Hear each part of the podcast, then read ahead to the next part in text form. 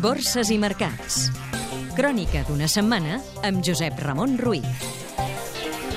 En una setmana farcida de reunions s'han trobat l'Eurogrup, l'Ecofin i els bancs centrals de la zona de l'euro, del Regne Unit, d'Austràlia, del Canadà i del Japó.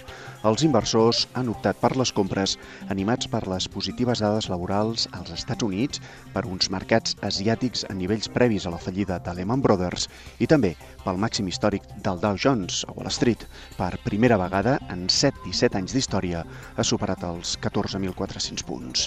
Aquí, la setmana que el Tresor ha col·locat amb una elevada demanda i a un cost més baix, 5.030 milions d'euros, això és més de l'objectiu màxim previst en bons i obligacions a 3, 5 i 10 anys, l'IBEX 35 ha pujat un 5,39% fins als 8.628 punts, animat sobretot pel descens de les tensions sobre el deute.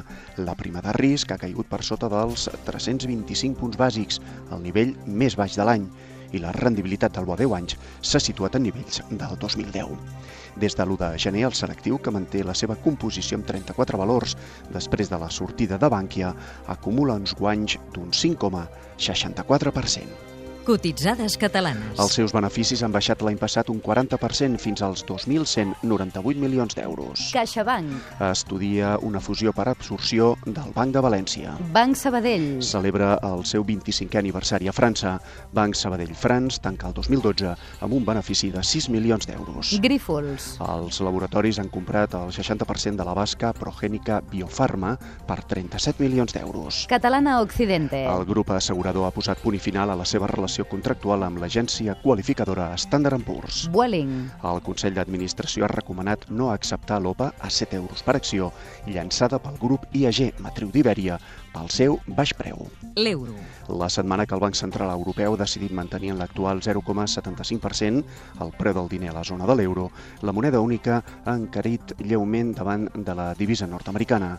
Aquest divendres el Banc Central Europeu, que ha revisat a la baixa les seves previsions de PIB i IPC per aquest any, n'ha fixat el seu canvi oficial a 1,3090 dòlars. El petroli. Pendent de l'efecte que pot tenir sobre el preu del cru el traspàs del president veneçolà Hugo Chávez, el futur del barril de cru tipus Brent, el de referència a Europa, s'ha abaratit al voltant dels 111 dòlars de mitjana, sobretot per la debilitat de l'economia global. Vocabulari financer. Què és el Dow Jones? És l'índex borsari més antic, famós i important del món. Està format per unes 30 companyies nord-americanes, ponderat per preu i no pas per capitalització, i serveix com a referència per analitzar l'evolució de l'economia dels Estats Units i de la resta de mercats borsaris internacionals.